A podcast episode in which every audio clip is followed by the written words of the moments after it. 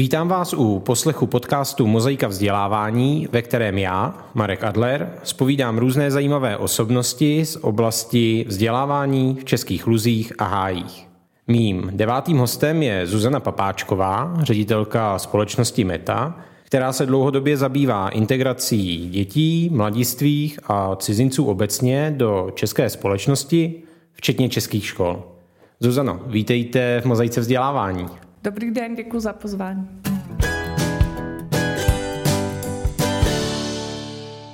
Společnost Meta vstoupila ve známost široké veřejnosti takovou zajímavou záležitostí a to je, když se Facebook přejmenoval a vyšly novinové články, že vy jste přišli o svůj facebookový profil. Uh, ano, to se stalo. Že vlastně dva, uh, myslím dva nebo tři dny poté, co se Facebook přejmenoval na Metu, tak se mi ukázalo na Facebooku, že na, náš profil byl zablokován a teď to už přesně nepamatuju, ale myslím, že to bylo nějak z důvodu zneužití e, názvu nebo identity.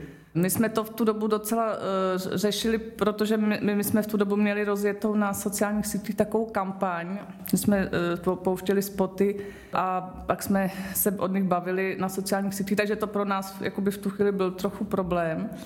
Eh, na druhou stranu vlastně je to, je to velký paradox, že se 15 let snažíme vyvíjet různé užitečné služby a programy a snažíme se horem dolem to zpropagovat a pak stačí eh, takováhle věc a vlastně 15 let práce bylo, nebylo vůbec potřeba, protože ta, tady ta událost nás propagovala poměrně velmi. Přestože tahle nechtěná marketingová strategie tedy zafungovala a mám pocit, že i učitelé možná hlavně ti praští a zapojení v různých projektech, že vás znají. Tak kdybyste měla té širší veřejnosti představit, co společnost Meta dělá? Mm-hmm. Takže Meta je nezisková organizace, fungujeme od roku 2006 a snažíme se vlastně podporovat rovný přístup eh, ke vzdělání všech bez ohledu na to, odkud pochází. Věnujeme se především dětem s odlišným mateřským jazykem. My tak nazýváme děti cizince, protože nám přijde, že to není ten fakt, že e, člověk je cizincem, ale spíš to, že má odlišný jazyk od toho, kterým se e, ve školách vyučuje, co, co je ten problém, který vlastně mu znemožňuje e, pořádně se začlenit. Takže my se snažíme podporovat děti s odlišným mateřským jazykem do, při začlenování do českých škol a zároveň se snažíme nabízet nějakou podporu pedagogům, kteří děti s odlišným mateřským jazykem vzdělávají. Třetí vlastně takovou oblastí naší činnosti, protože my kromě toho, že konkrétně pracujeme jak s cizinci, tak i s pedagogy v terénu, ale v zásadě hodně často to je, že se hasí nějaký problém, který vlastně nastat ani nemusel, kdyby existoval nějaký systém. Tak my se také snažíme trochu eh, pracovat na tom, aby fungoval nějaký systém právě jazykové přípravy a podpory nově příchozí z dětí s odlišným mateřským jazykem. Takže kromě toho jako konkrétní práce eh, vyvíjíme i nějaké aktivity tímto směrem. Vy říkáte my. Kolik lidí je to my? No, je, je, je to hodně. My, když jsme začínali v tom roce 2006, tak nás bylo pět. A teď nás je vlastně ani přesně nevím, ale myslím si tak kolem 35. A kolik učitelů už prošlo vašima rukama? Tak jsou to tisíce. Třeba co se týče proškolených pedagogů, že my máme asi přes dvě desítky akreditovaných kurzů, eh, tak to bylo kolem pěti tisíce proškolených pedagogů.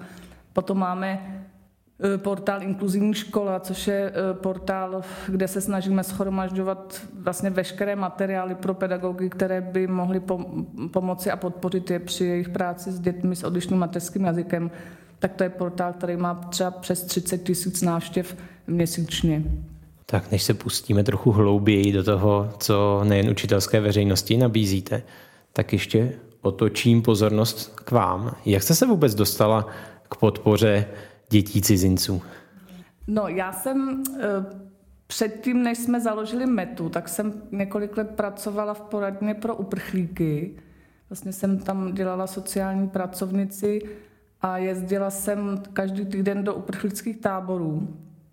Já konkrétně jsem jezdila do čer, eh, Červeného újezda, což bylo eh, v lesích. Oni často ty uprchlické tábory bývaly v lesích poměrně jako od, eh, v, odlehlý, v odlehlé od civilizace a nejbližší eh, město od toho Červeného ujezdu byla Bílina, která byla asi 8 km vzdálená. A eh, v těch uprchlických táborech vlastně byly jako rodiny s dětmi a byly to děti školou povinné, ale i děti, které už vlastně dělali povinnou školní docházku. A tam docházelo k tomu, že tyhle děti už vlastně se nevzdělávaly. A ty táboroví sociální pracovníci vlastně řešili pouze docházku těch školou povinných a rodiče a ani ty samotné e, děti neměly vlastně informace, že můžou studovat dál, i když v češtině, ale oni po, po nějaké době vlastně poměrně česky uměli. A hlavně pro ně byl opravdu velký problém ten 8-kilometrová vzdálenost do toho města, protože by si museli tu cestu financovat sami. Takže vlastně tam se poflakovali po tom táboře. Ve věku, kdy bych no, mohli chodit do školy, byly to e, běžně chytré děti, stejně jako české děti a vlastně nám přišlo, že to je jako velká škoda jejich potenciálu. A nám v tuhle chvíli mluvím ještě o kolegyni Lindě Tuterové a Tereze Gintrové, které rovněž pracovaly v poradně pro uprchlíky. No a my jsme pak v jednu chvíli si říkali, že by bylo hezké si založit vlastní organizaci a když jsme přemýšleli právě, jak ji nasměrovat, tak nám přišla tato skupina jako mladých žadatelů o azyl nebo mladých cizinců, že je taková poměrně jako zatím neošetřená a že to je velká škoda, že vlastně je, jako byly tisíce vlastně dětí, které nestudovali, ač mohly a chyběla jim k tomu vlastně jenom informace a nějaká podpora v orientaci v tom systému tak jsme založili metu. Za těch 15 let, jak se ta situace proměnila? Tak myslím, že významně. My, my třeba, když jsme začínali, tak jsme tak nějak trochu i zjišťovali, jestli o ty naše služby bude zájem. A to nejen u e, samotných cizinců, ale třeba i u stát, jakože u ministerstva školství. A tam tenkrát, když jsem tam komunikovala s jedním pánem, e, jestli si myslí, že tohle je něco, co by jakoby má smysl jako nabízet podporu v této oblasti, tak vlastně tomu nerozuměl, protože říkal, že nechápe, proč by někdo, kdo už jako nemusí ještě do té školy chodit, chtěl. A celkově si myslím, že ten přístup před 15 lety ze strany státu byl, jak bych to řekla, hodně laxnější, než je, než je nyní. Nám se na začátku třeba stávalo, že ve třídě na základní škole tři roky seděla v páté třídě 18-letá Číňanka, ona nikomu nerozuměla, jiný kdo nerozuměl a vlastně ty pedagogové nevěděli, co, co s tím, protože ze strany ministerstva neexistoval žádný systém. A ten systém teď už nějaký existuje, není, není dokonalý, ale vlastně už je jakoby na čem stavět. Takže ta, myslím, že ta situace se posunula významně asi z trochu dávky neskromnosti můžu říct, že si myslím, že v tom jako existence mety a naší činnosti může hrát nějakou roli, protože to téma se snažíme opravdu hodně propagovat a e, řešit. Je i těch uprchlických táborů a tudíž i dětí v těch lesích o něco méně? Určitě, tam vlastně po té, co Česká republika vstoupila do Evropské unie, tak e, množství žadatelů o mezinárodní ochranu, jak se to poté Eh, začalo jmenovat ten status eh, ubylo, protože vlastně po té, co jsme vstoupili do Evropské unie, tak jsme přistoupili k takzvané Dublinské dohodě a vlastně ve chvíli, kdy někdo z území mimo Evropskou unii vstoupil na, do Evropské unie, tak stát, do kterého vstoupil jako první, byl zodpovědný za to jeho asilové řízení, což ve většině případů bylo Polsko, třeba u čečenských uprchlíků nebo uprchlíků bývalého Sovětského svazu, takže postupně se do České republiky vlastně dostávalo čím dál tím méně žadatelů o azyl a vím, že i některé tábory vlastně se potom rušily. Vy už jste to trošku zmínila, nějaké dílčí úspěchy. Co je to, co vás v téhle jinak určitě složité a možná někdy i neradostné práci naplňuje? Tak třeba dneska jsme měli konferenci a to je pro mě vždycky hodně naplňující, když vidím ty své kolegy, kolegy a kolegyně, eh, jak jsou šikovní, když prezentují třeba výstupy své, potažmo eh, nazývám to naší prací, protože to je eh, práce naší organizace. A vlastně si v té naší práci je hodně naplňující to, že jak už jsem předtím říkala, že když jsme začínali, tak ta oblast vzdělávání dětí s odlišným mateřským jazykem a hlavně i třeba jakoby podpora pedagogů na školách byla úplně v začátcích, tak je tam opravdu velký potenciál furt nějak, jako nějakého rozvoje a nějakých jakoby vzniku nových věcí. My trošku máme problém se zastavit v těch nápadech, takže furt něco vymýšlíme a pak právě toho máme moc.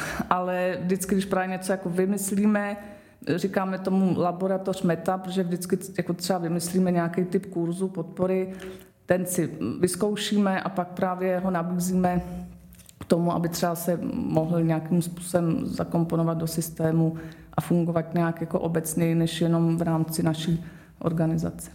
Tak to je konference, kolegové, jejich práce. Co ještě vás tak na té práci láká? No, obecně mě láká už 15 let to, že jsem si založila něco, co nějakým způsobem funguje a prosperuje, kde prošlo jako desítky eh, velmi schopných a invenčních a sympatických lidí a vlastně rádi tady pracují. Velký význam pro mě má to, že do dneška na tom spolupracuji. Jedna z těch, jako, co jsme byli tři zakladatelky, tak jedna už odešla, ale ta druhá Linda Tuterová, ta je tady pořád a pro mě má i jako velkou hodnotu to, že můžu pořád s ní spolupracovat. Ty mezilidské vztahy asi jsou hodně důležitý. Já jsem teda v roce 17, do, doby, do té doby jsem jako byla ředitelka jediná, pak jsem šla na mateřskou dovolenou, takže to je taky i trochu odpověď, že mě naplňují i jiné věci než jenom meta. A když jsem se pak vrátila, pravda po ne úplně dlouhé době, eh, eh, protože mě to trochu přitahovalo už se zase do té práce vrátit, tak vlastně teďka, ale jsme tři ředitelky a vyhovuje nám to tak, protože ta práce je trochu rozložená, že máme programovou ředitelku Kristýnu Těrovou, která je podle mého názoru největší expertka v této oblasti v Čechách, protože hodně věcí vlastně ona vymyslela a ona rozvíjela. A pak Linda Tuterová je finanční a, a provozní ředitelka a já jsem vlastně jakože ředitelka statutární zástupkyně a řeším hodně fundraising a PR, takže to je taky pro mě jako dobrý, že, ta, že to vedení e, máme takhle rozložené. Mě teď úplně naskočilo to populární slovo nebo spojení work-life balance. Jak to máte vy? Jak se dá takováhle práce spojená opravdu bytostně s prací s lidmi oddělit od toho soukromého života a naopak? Tak eh, jak kdy, ale myslím si, že třeba ze začátku, ale to spíš ještě, když jsem pracovala, začala právě pracovat v poradně pro uprchlíky a začala jsem eh, jezdit do těch uprchlických táborů a tam poslouchat ty šílené příběhy čečenských matek o tom, co se děje v Čečensku, tak vlastně mně přišlo, že je úplně zbytečný dělat cokoliv jiného. A já vím, že jsem musela být dost otravná, když jsme vždycky potom s kamarádama v hospodě eh, se o tom bavili, tak mně přišlo, že někdo, kdo dělá v reklamní agentuře, je úplně, eh, ne, ne, nemá vůbec smysl to co, to, co dělá. A přišlo mi, že jakoby všichni bychom měli dělat něco, aby jsme zabránili tomu, co se eh, děje. Ale postupně samozřejmě s tímhle je potřeba nějakým způsobem pracovat, takže postupně jsem se uklidnila vlastně já už teďka moc do kontaktu s klientama a s těma příběhama ne, nepřicházím. I když teďka vlastně v souvislosti s válkou na Ukrajině trochu jo, protože jsme se ujali provozu dětských koutků v tom asistenčním centru na Vyšehradě, takže tam jsem jednu dobu docela chodila. Ale nevím, tak to asi potom je nějakou vyzrálostí, věkem, kdy člověk ví, že nemůže změnit úplně všechno, ale zároveň, a to mě taky vlastně na té práci baví, že my máme určitý dosah na určité, jakože můžeme něco změnit tím, co děláme a tak, jak to děláme. A to si myslím, že je e, pro tohle hodně důležitý, že můžeme ty malé změny dělat a nemusíme se stresovat a být frustrovaní tím, že nejsme schopni zastavit třeba válku.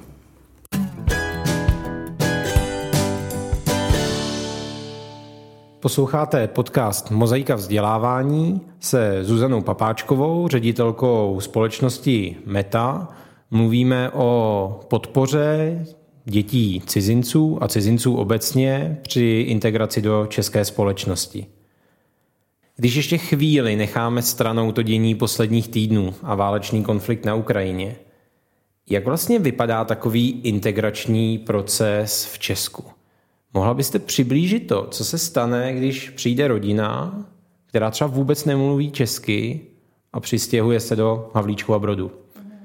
Jo, já vlastně, vy jste to dvakrát řekl a já jsem vás ani jednou neopravila, že my eh, jako neřešíme eh, až tak obecně integraci do české společnosti jako a všechny aspekty té integrace, řekněme třeba bydlení, pracovní uplatnění, zdravotní pojištění a tak. My opravdu spíše specificky se zaměřujeme na, na to vzdělávání. A to byla vlastně i věc, která, když my jsme začínali, tak hodně našich klientů bylo překvapených, že může řešit i něco, co jim do té doby přišlo trošku jako nadstavba toho, co potřebovali vyřešit, a to je vzdělávání. Že většinou eh, s těmi klienty, co jsme měli předtím v poradně pro uprchlíky, tak tam se řešilo hodně právě eh, pobytový status, ta žádost o azyl, bydlení, věci, které byly jako akutnějšího charakteru. A ani my, protože na to nebyl čas, ale mnohdy ani ti klienti vlastně eh, je nenapadlo přijít s požadavkem, že by rádi Eh, pořešili, kam by jejich dítě mohlo jít na školu. Takže že vlastně to vzdělávání je takový, takový moment té integrace, který někdy přichází až po té, co ta rodina má kde bydlet, má co jíst a mm, má co, co si obléci. Jo, ale za na druhou stranu ty rodiny, které mají děti, co, jsou, co spadají pod povinnou školní docházku, tak jsou povinny vlastně je okamžitě do té školy zapsat takže tam pak nastávají situace, že ty děti eh, chvilku po té, co přijedou, jdou do školy, kde nikomu ani ničemu nerozumí, jim taky nikdo nerozumí. Takže tam vlastně my potom se snažíme nějakým způsobem podpořit všechny strany toho procesu. Eh, nutno říct, že především v Praze, ale i v regionech je už teď hodně škol, které si poradí sami, že tam ty zkušenosti mají a Eh, umějí to, mají různé způsoby, mají různé strategie, eh, takže to už je zdaleka to není hm, taková divočina, jako to bylo před těm 15 lety. Je to skutečně tak, že když se rodina přistěhuje, tak podle svého nového bydliště dá dítě do spádové školy a tím veškerá systémová podpora končí nebo se vlastně ani neodehraje? Ne, tak to není on, ta systémová podpora eh, existuje, ta škola eh, ne, není to vždycky tak, že eh, dají dítě do spádové školy, protože ne vždycky ta spádová škola to dítě přijme a ne vždycky ty rodiče to zkoušejí do té spádové školy. Ale v zásadě ve chvíli, kdy je tam nějaký problém už ve fázi toho přihlašování, tak potom třeba my to nějakým způsobem se snažíme jim pomoci vyřešit ale ty školy mají vlastně možnosti, jak ty děti jazykově podpořit ze zákona. Jsou teďka od, e, podle jako novely zákona jsou teď od září takzvané určené školy, které ve chvíli, kdy mají nějaké procento dětí s odlišným mateřským jazykem, tak vlastně vytvářejí třídy pro jazykovou přípravu, takže jsou tam jakože nárok na nějaké hodiny jazykové přípravy. V případě je tam možné i dostat na pro děti s odlišným mateřským jazykem dvojazyčné asistenty, jsou tam různé systémové podpory. Ale znamená to tedy, že máme nějak po republice rozprostřenou síť škol, které se více specializují na integraci dětí s odlišným mateřským jazykem? Neřekla bych specializují, řekla bych, že s tím třeba mají zkušenosti. Samozřejmě největší počet cizinců je v Praze, nemyslím si, že by ještě v Praze existovala třeba základní škola, která nemá zatím zkušenost eh, se vzděláváním eh, dítěte s odlišným mateřským jazykem. Takže spíš jde o to, že ty zkušenosti mají. Samozřejmě trošku to může být náročnější pro školu, malou vesnickou školu, kam přijde dítě s odlišným mateřským jazykem a je to první dítě, které tam kdy přišlo, tak tam potom mm, je potřeba ten systém začít nějak budovat, ale i v tom případě vlastně ta škola má možnost eh, zažádat o finance na, eh, na výuku češtiny jako druhého jazyka. Samozřejmě se naráží dlouhodobě a teď opak znovu narazím i na tu aktuální situaci na nedostatečný počet učitelů češtiny jako druhého jazyka protože ty eh, možnost peněz je jedna věc, ale druhá věc je, kdo to bude učit, protože to není úkol učitelů češtiny a literatury. Eh, to je eh, úplně jiná disciplína, čeština jako druhý jazyk, takže tam pak mm, co, co může být trošku problém to zajistit personálně. Já jsem slyšel váš rozhovor v rámci podcastu Mluvme spolu A vy jste tam zmiňovala, že ta doba, než se dítě naučí jazyk, tak aby mohlo nějak třeba plnohodnotně i představuji si na druhém stupni na střední škole komunikovat v odborných předmětech, tak je to několik let, to mě úplně vyděsilo.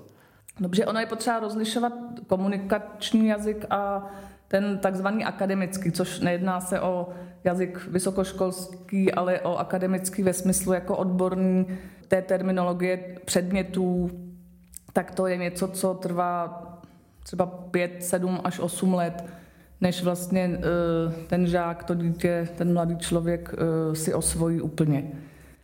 Eh, my třeba máme taky jednu z věcí, co jsme vytvořili na podporu mladých lidí s odlišným mateřským jazykem, je takový roční kurz pro děti 15+, plus, které sem přijdou až po ukončení základní školy v zemi svého původu. A pro ně vlastně, vzhledem k tomu, že už mají ukončenou základní školu, tím pádem je tady nikdo nevezme do deváté, ani os, ne, do osmé ani deváté třídy, tak jejich šance naučit se česky tak, aby mohli dál studovat, je, řekněme, nulová. Protože tady neexistují žádné cenově dostupné intenzivní kurzy pro mládež.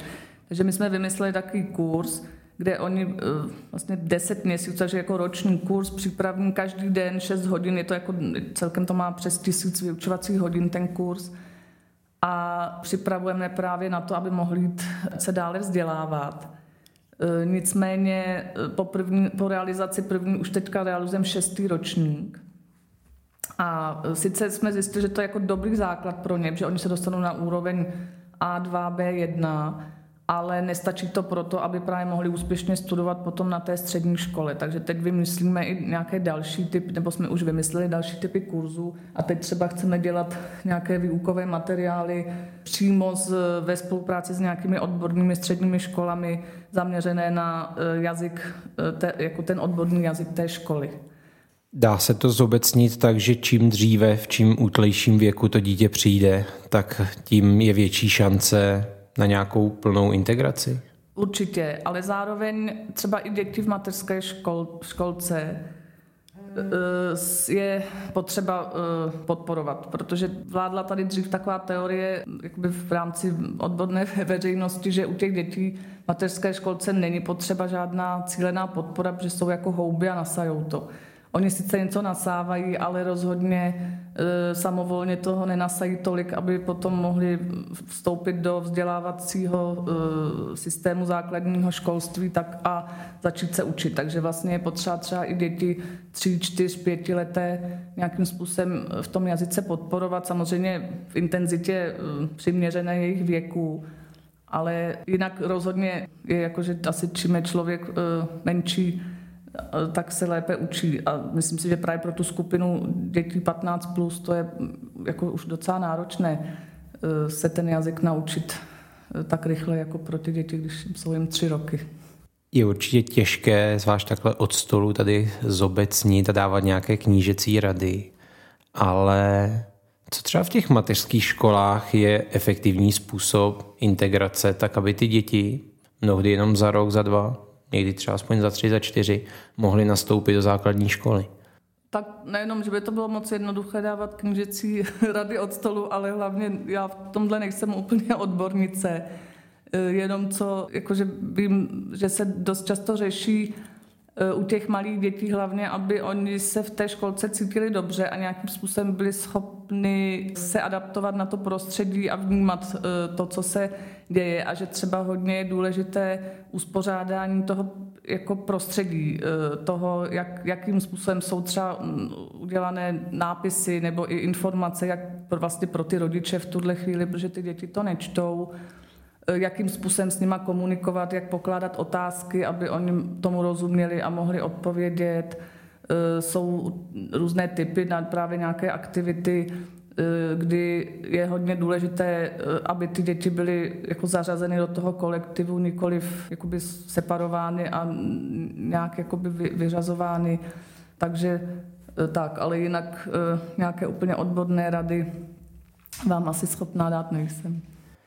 My, jak jsme začali od těch uprchlických táborů, tak by to mohlo vypadat, že jenom z řad nějakých nucených uprchlíků se rekrutují děti s odlišným mateřským jazykem v českých školách, ale to asi nebude úplně pravda. Ne, to určitě ne. To je, už jsem, myslím, to jednou říkala, že vlastně většina našich klientů e, jsou rodiny, které sem přišly kvůli práci, nebo že tady část rodiny už byla dřív. E, hodně často se stává, že sem nejdřív přijdou rodiče, kteří zde vytvoří určité zázemí a potom teprve sem za nimi přijdou děti. A, takže a těch e, uprchlíků neboli žadatelů o mezinárodní ochranu, případně a už azylantů, ti, kteří mají tu mezinárodní ochranu udělenou, vlastně mezi našimi klienty byla doposud menší část. Co se ale určitě dá vyčíst ve statistikách, je, jaké je národnostní a tím i jazykové složení těch dětí. Kdybyste nám měla vypíchnout ty nejzastoupenější národy.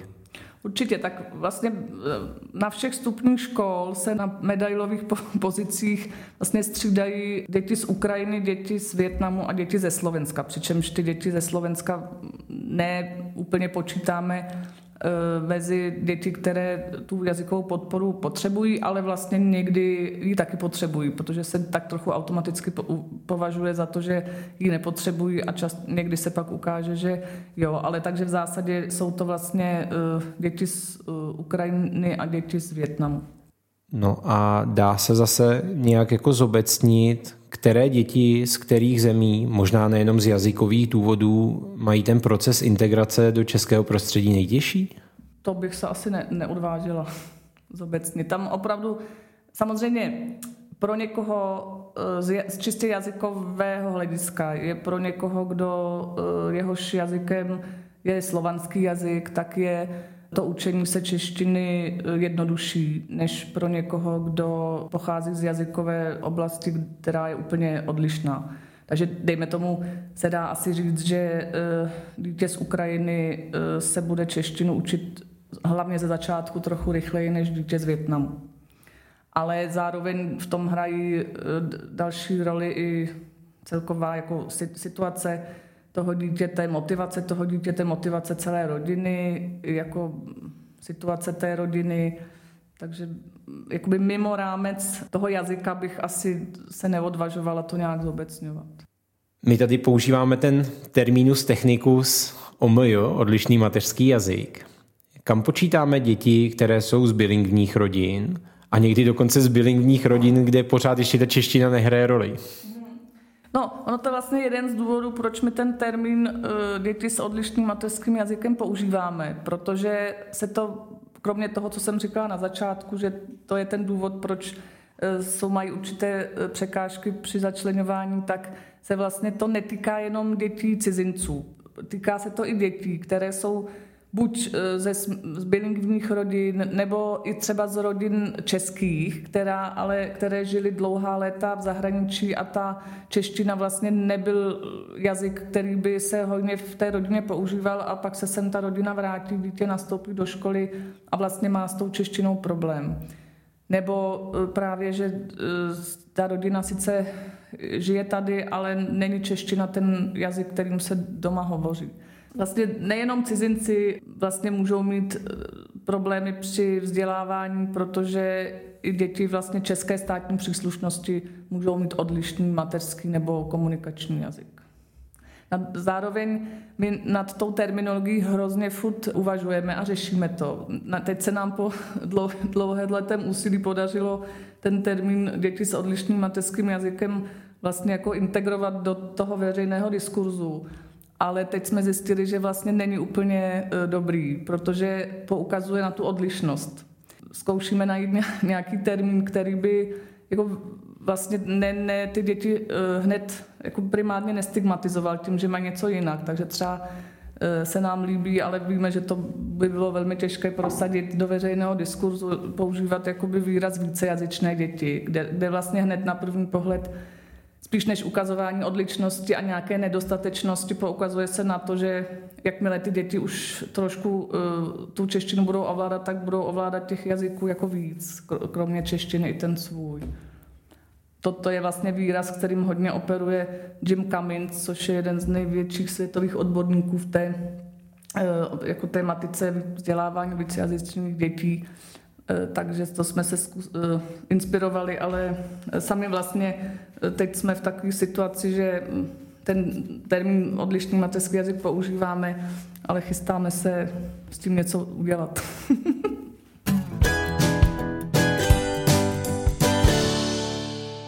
v podcastu Mozaika vzdělávání hovoříme s ředitelkou společnosti Meta, Zuzanou Papáčkovou, o integraci dětí, cizinců, teď už vím, že do českých škol především, a nemůžeme se tomu tématu vyhnout. Podíváme se na válku na Ukrajině a na to, jak úplně změnila tuhletu oblast a tu naši pozornost dětem, cizincům v posledních několika týdnech.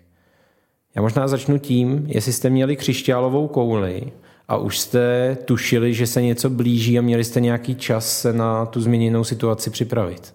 Eh, ne, ne, neměli jsme křišťálovou kouli a nepřipravili jsme se na to, ale my v zásadě se jakoby připravujeme, nebo my se snažíme připravit eh, se na to tím, že se snažíme, aby eh, byl, existoval nějaký funkční systém.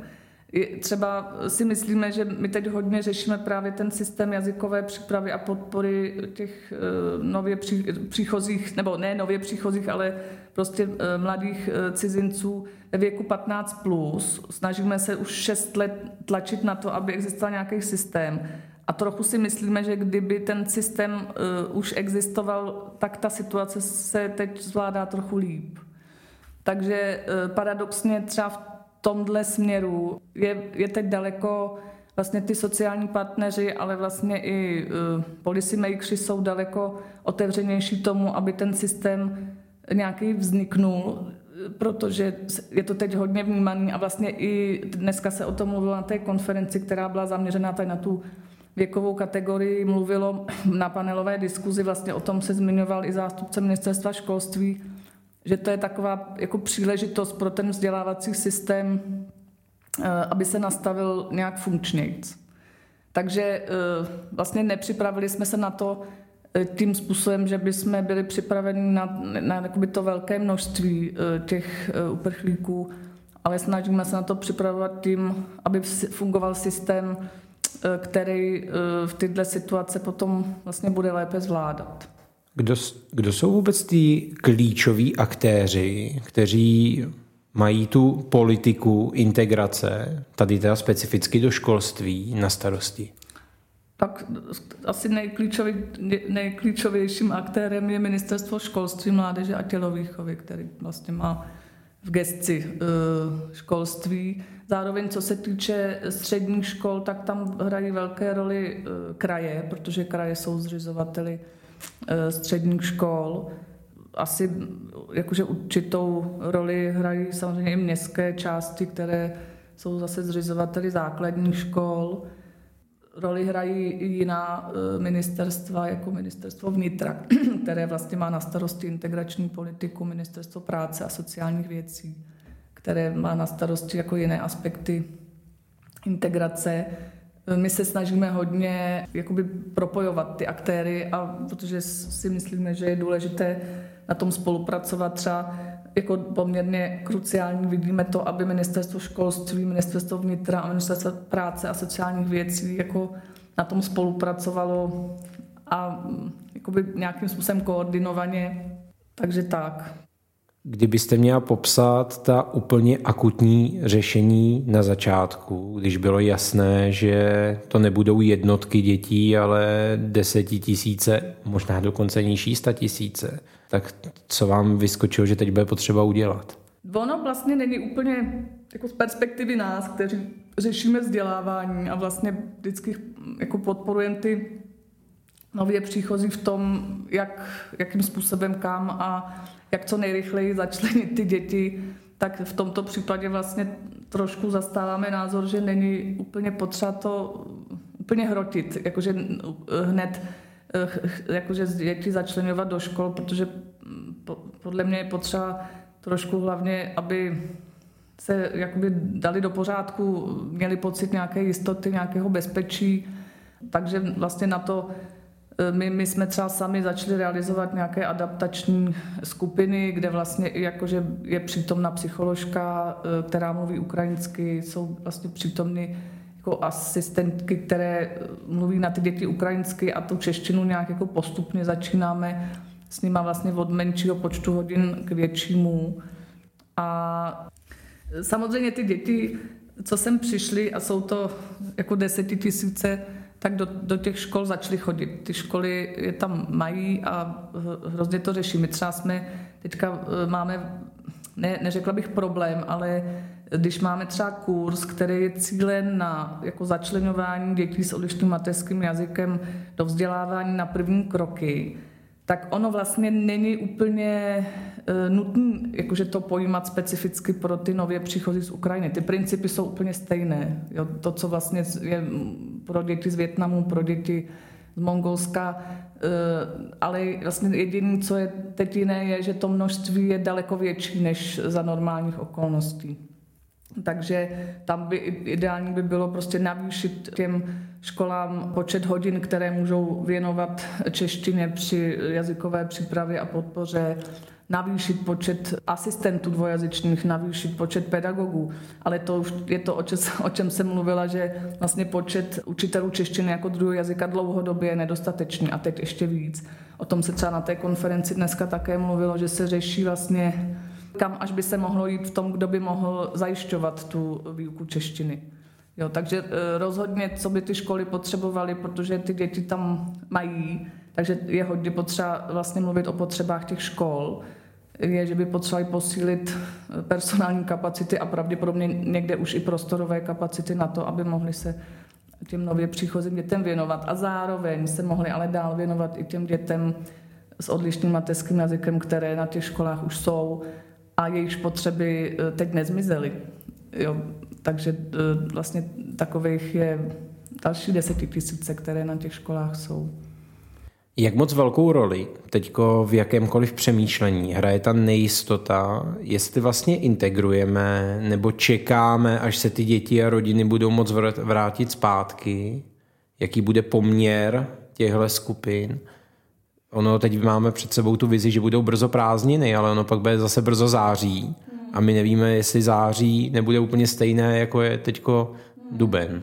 Hmm. Tam třeba já to s dovolením zase vstáhnu na tu skupinu eh, těch dětí v teenagerském věku, protože eh, tím, jak ten systém na Ukrajině vlastně je trochu jiný, že tam oni mají jakoby 11 letku, kterou vlastně v, přibližně v 17 letech ukončují maturitou, tak vlastně je hodně dětí, které už jsou teď v 17 v tom jako maturitním ročníku a pro ty si myslím, že rozhodně by bylo potřeba, ať už se e, budou chtít vrátit nebo tady zůstanou, aby teď měli možnost si online formou dodělat uh, tu střední školu, uh, mít vlastně maturitní vysvědčení, které potom tady si můžou nostrifikovat a pokračovat ve studiu, protože ve chvíli, kdy to nedodělají, tak, pro Česk, tak tady mají jenom základní vzdělání a tam vlastně by potom oni museli tu střední školu eh, dělat celou znova. A je to vlastně eh, případ třeba některých těch našich studentů toho ročního kurzu, že se jim nepodařilo. Máme tam z loňského ročníku jednoho chlapce z Ukrajiny, který už tady je delší dobu, ale vlastně taky ta rodina už před dvěma roky odešla z Ukrajiny, aby nemuseli eh, synové narukovat na vojnu. Tak on, oni sem přišli ve chvíli, kdy on měl pár měsíců do konce té eh, střední školy a on nám tady chodil do přípravného kurzu v, eh, na střední školu v době, kdy mu už bylo 18 nebo 17, ale chýlilo se mu na 18. rok a ač byl jako jeden z nejlepších studentů v tom kurzu, tak nakonec na tu střední školu nešel, protože představa, že bude čtyři roky ještě někde studovat s dětma o čtyři roky mladšími ho dost jako demotivovala. Takže to si myslím, že je hodně důležité pro tuhle skupinu, aby sice eh, se i částečně eh, učila, učili česky a nějakým způsobem se adaptovali, ale aby si dodělali eh, to vzdělání, ke kterému už mají jenom jako krůček k tomu konci. Pak samozřejmě, jak už jsem říkala předtím, já si myslím, že u těch dětí je potřeba to nějakým způsobem vyvážit, nějakým pomoct nějakou adaptací s tím, aby, protože mnohdy ta cesta z Ukrajiny pro ně byla dosti strastiplná a i vlastně okolnosti, za kterých odcházeli, tak byly mnohdy tragické, tak aby se nějakým způsobem s tím vyrovnali a postupně začínat s nějakou jako výukou češtiny a případnou integrací do toho vzdělávacího systému jako takového. To je to vlastně jakoby věc, kterou hodně my teď řešíme nejenom v souvislosti s dětmi z Ukrajiny, ale uvědomujeme si, že čím dál tím víc, že to je vlastně cílem e, naší činnosti, je jakoby myslet na well-being dětí, a to nejenom dětí z OMJ a pedagogů, že vlastně je jako, aby se každý mohl nějakým způsobem rozvíjet, e, tak je potřeba, aby se všichni v té třídě cítili dobře. A to je vlastně i jako jedním z cílů veškeré té naší činnosti, ať už se jedná podpory těch dětí nebo podpory pedagogů, aby to prostředí bylo vlastně jako vhodné a motivační pro všechny. Kterého z těch dvou zajíců chytat? Ten přechod do českého systému školství, anebo to dokončení té ukrajinské školy, kde už, jak vy třeba říkáte, některé ty děti nebo mladí dospělí už jsou v cílové rovince a chybí jim opravdu jenom krůček. No, no tak u těchto těch dětí, co jsou v cílové rovince, tam bych rozhodně chytala zajíce uh, dokončení střední školy.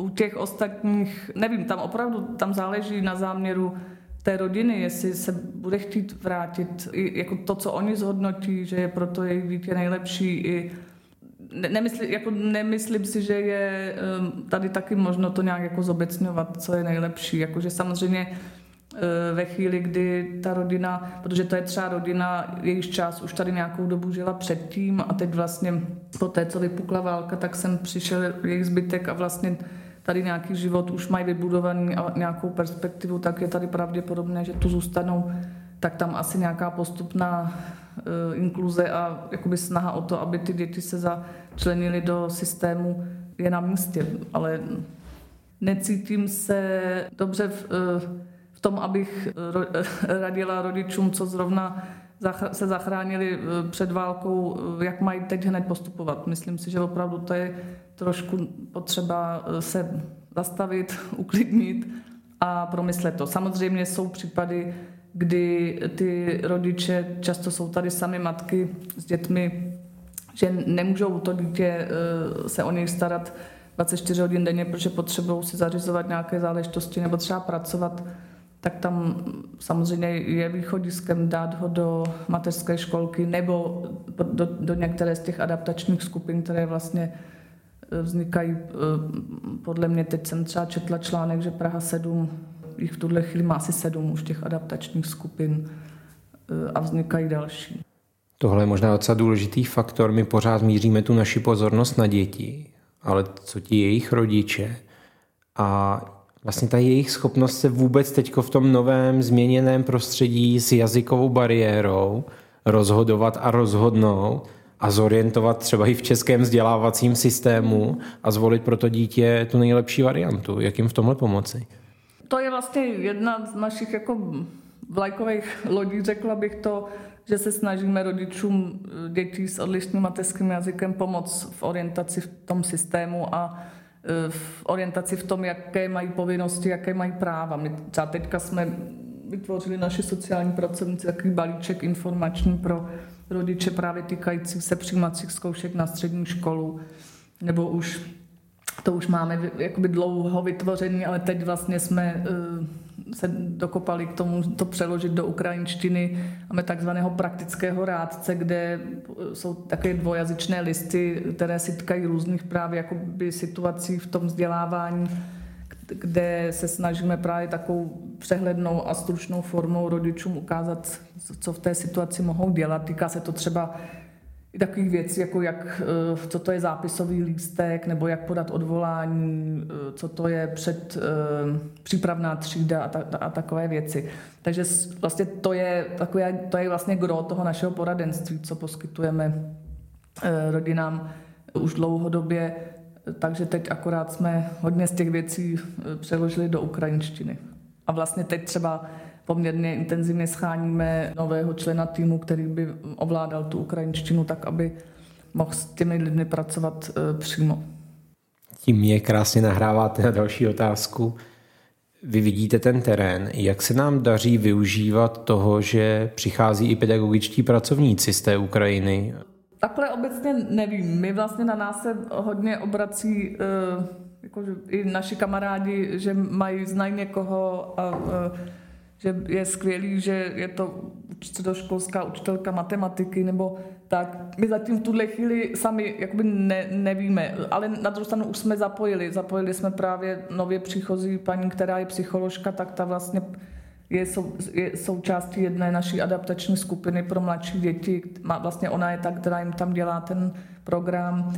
Pak my už vlastně dlouhodobě e, pracujeme tady s tím potenciálem právě rodilých mluvčích. My už někdy od roku 12 vyvíjíme takový koncept dvojazyčných asistentů pedagoga, teda vyvíjíme, to je jako koncept, který existuje v, v Evropě už dlouhou dobu, ale my jsme vlastně začali jakoby podporovat vzdělávání těch dvojazyčných asistentů a ta jako původní myšlenka byla, že tím podpoříme cizince, kteří mají vysokoškolské, často i pedagogické vzdělání, ale tady dělají nekvalifikovanou práci a že je podpoříme v tom, aby získali jakoby kvalifikaci asistenta pedagoga a zároveň vlastně tím podpoříme i ty děti ve třídách a i ty pedagogy ve třídách. Taková hodně nám to přišlo jako komplexní podpora skupiny několika lidí a vlastně tak už od roku 12 jsme proškolili jakože několik desítek lidí, většinou teda žen, které dělají teď dvojazyčné asistentky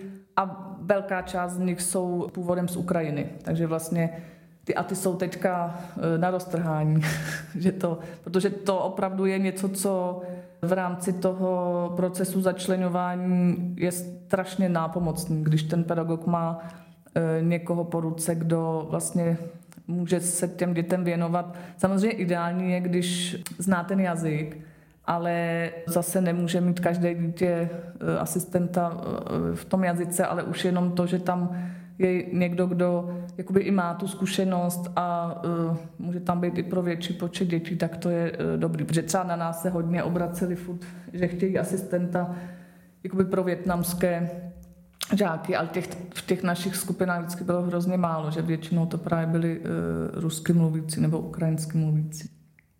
Takže to, tady to využití vidím, vidím. Tam samozřejmě trochu asi je problematické, pokud by šlo o jakože spolupráci v rámci toho jako začlenování do jako českého školství e, nějakou neznalost toho jazyka. Že to třeba i, když my jsme právě začali se školama spolupracovat a nabízet tím, e, jestli nechtějí využívat dvojazyčné asistenty, tak často říkají, no ale aby uměl dobře česky, aby spíš nám tady jako nebyl na obtíž. Ona dost možná ta situace teď se uh, změnila, protože je potřeba ukrajinsky mluvících, takže eh, asi se bere třeba větší, eh, že je větší tolerance znalosti té, eh, neznamo neznalosti té češtiny. Zároveň vlastně to, že, že hodně těch dětí pokračuje dál nějakou, nějakým způsobem ve vzdělávání v ukrajinštině, tak tam asi jako je velký prostor pro ty pedagogy a pedagožky jako z Ukrajiny. Vím, že třeba nadační fond Dětí Ukrajiny vlastně rozjížděl nějaké jako ukrajinské jednotřídky, kde vlastně jako probíhá výuka v ukrajinštině a asi podle ukrajinských e, osnov. Ten potenciál tam určitě je i třeba pro nás, protože třeba e, v tom našem ročním kurzu pro středoškoláky my máme i matematiku a je problém vždycky sehnat učitele matematiky. Takže třeba jak jsem říkala, že mi kamarádka volala, že zná někoho, kdo byl středoškolským učitelem matematiky, tak toho my třeba určitě bychom mohli příští rok do toho kurzu využít.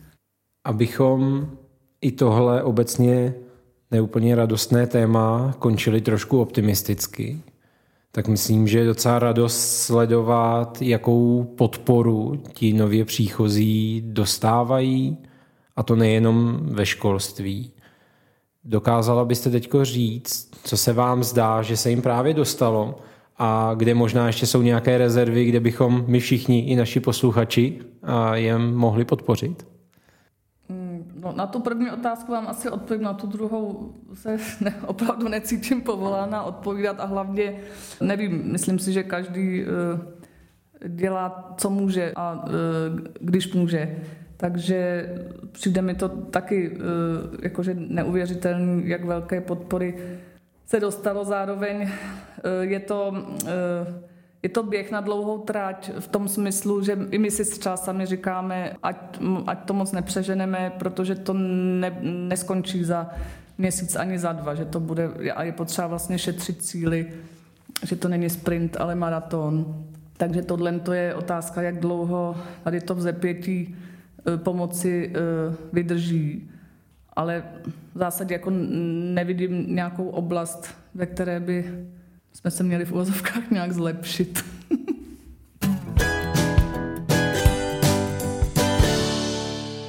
díl podcastu Mozaika vzdělávání zaměřený na integraci dětí cizinců do českých škol míří do cílové rovinky.